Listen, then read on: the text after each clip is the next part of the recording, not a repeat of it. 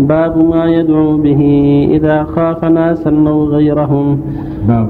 باب ما يدعو به إذا خاف ناسا أو غيرهم.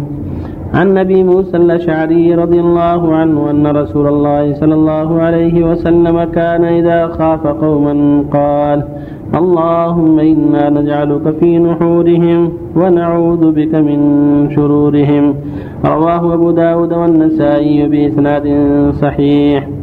باب ما يقول إذا نزل منزلا عن خولة بنت حكيم رضي الله عنها قالت سمعت رسول الله صلى الله عليه وسلم يقول من نزل منزلا ثم قال أعوذ بكلمات الله التامات من شر ما خلق لم يضره شيء حتى يرتحل من منزله ذلك. رواه مسلم. وعن ابن عمر رضي الله عنهما قال كان رسول الله صلى الله عليه وسلم إذا سافر فأقبل الليل قال يا أرض ربي ور... كان إذا كان كان رسول الله صلى الله عليه وسلم إذا سافر فأقبل الليل قال يا أرض ربي وربك الله أعوذ بالله من شرك وشر ما فيك وشر ما وشر ما خلق خلق فيك. وشر ما خلق فيك. وشر ما يدب عليك يدب عليك يدب عليك. أعوذ بالله من شر أسد وأسود ومن الحية والعقرب ومن ساكن البلد ومن والد وما ولد. رواه أبو داود. صلى الله عليه وسلم. الحمد لله وصلى الله وسلم على رسول الله. وعلى آله وأصحابه من اهتدى بهدى أما بعد هذه الأحاديث ثلاثة. فيها التعوذات الشرعيه لمن دعته الحاجة إلى شيء من ذلك. فإذا خاف قوما كان يقول صلى الله عليه وسلم اللهم إنا نجعلك في نحورهم ونعوذ بك من شرورهم. خاف عدوا أو أهل بلد أو غيرهم ممن يخشى شره اللهم أنا نجعلك في نحورهم ونعوذ من شرورهم. والعبد ليس له ملجأ إلا الله سبحانه هو إليه الملجأ جل وعلا. بيده أزمة الأمور وهو الذي بيده كل شيء سبحانه وتعالى. هو النافع والضار هو المانع المعطي هو القادر على كل شيء جل وعلا. فمشروع للمؤمن أن لجأوا إليه في كل شيء. المؤمن والمؤمنة لجأ إلى الله في كل شيء. فإذا خاف قوما أو خاف شيئا من الأشياء سأل ربه العافية من ذلك. وتساءل به من ذلك شيء. ومن ذلك أن يقول اللهم إنا نجعلك في نحورهم ونعوذ من اللهم اكفنا شرهم. اللهم سلط عليهم من هو أقوى منا عليهم. اللهم أعنا عليهم إلى غير هذا من الدعوات المناسبة. وإذا نزل منزلا؟ يقول ما قال. النبي صلى الله عليه وسلم من نزل منزلا؟ فقال أعوذ بكلمات الله التامات من شر ما خلق لم يضره شيء حتى يرتحل منزل ذلك هذه السنة إذا نزل منزل من المنازل في بيته أو في منزل في السفر. أن يقول أعوذ بكلمات الله التامات من شر ما خلق.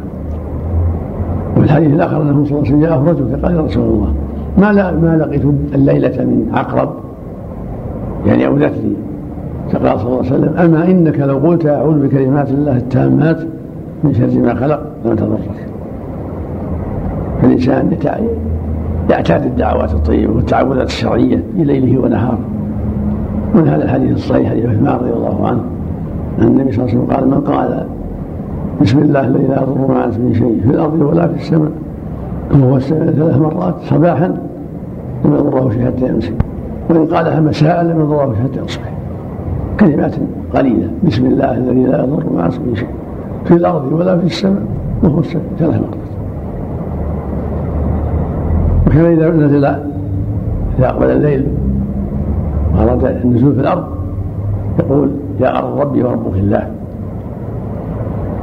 أعوذ بالله من شرك وشر ما فيك وشر ما خلق فيك وشر ما يدب عليك.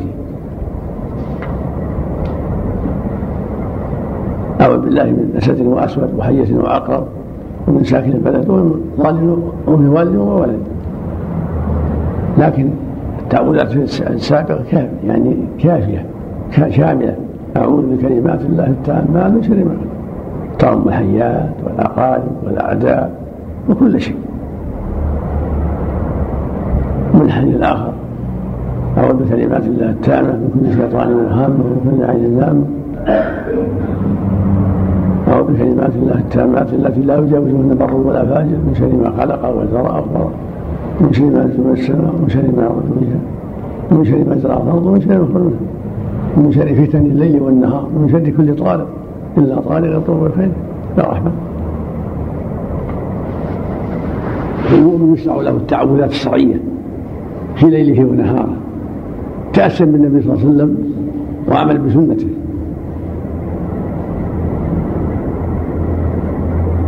ومن ذلك ما ذكره المؤلف وما سمعتم كل هذا مما شرعه الله جل وعلا على النبي عليه الصلاة والسلام.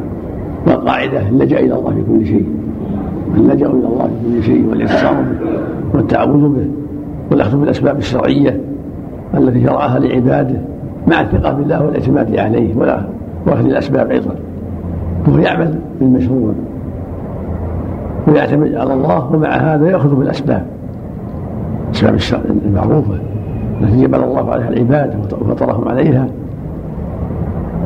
ثم يتعوذ بالله من شر الناس ومن شر الظلمة ومع هذا يبتعد عن أسباب الشر. يغلق بابه عن السراق يحفظ متاعه عن السراق ويتعوذ بالله من شر كل حال. يعني يأخذ بالاسباب لا يؤذي الناس ولا يتعرض للناس حتى يتعدوا عليه. يكف شره عن الناس. كما يطلب ان الله يكف شر الناس عنه هو يكف شره عن الناس. شر لسانه شر أفعاله. يأخذ بأسباب العافية يبتعد عن أسباب الشر. مع اللجأ إلى الله ومع التعاون بالله.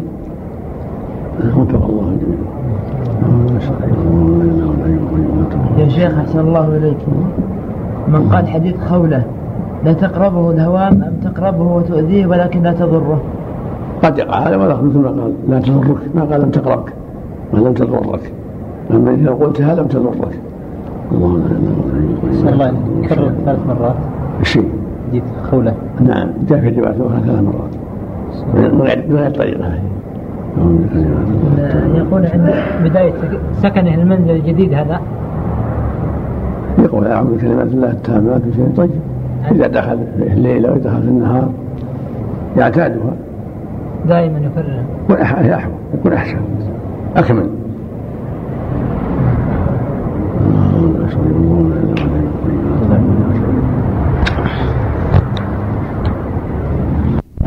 أحد عشر مرة صحت هذه أظن في بعض روايات مسلم جاء عشر جاء 11 لكن أثبتها وأكملها ثلاث ثلاث بعد كل صلاة. ما قال إنها وهم يختم بالتكبير 34 أو بلا اله الا الله فهو ما قال إن 11 وهم من الراوي هي العشر المراد العشر. راجع مسلم مسلم راجع روايه مسلم خير إن شاء الله.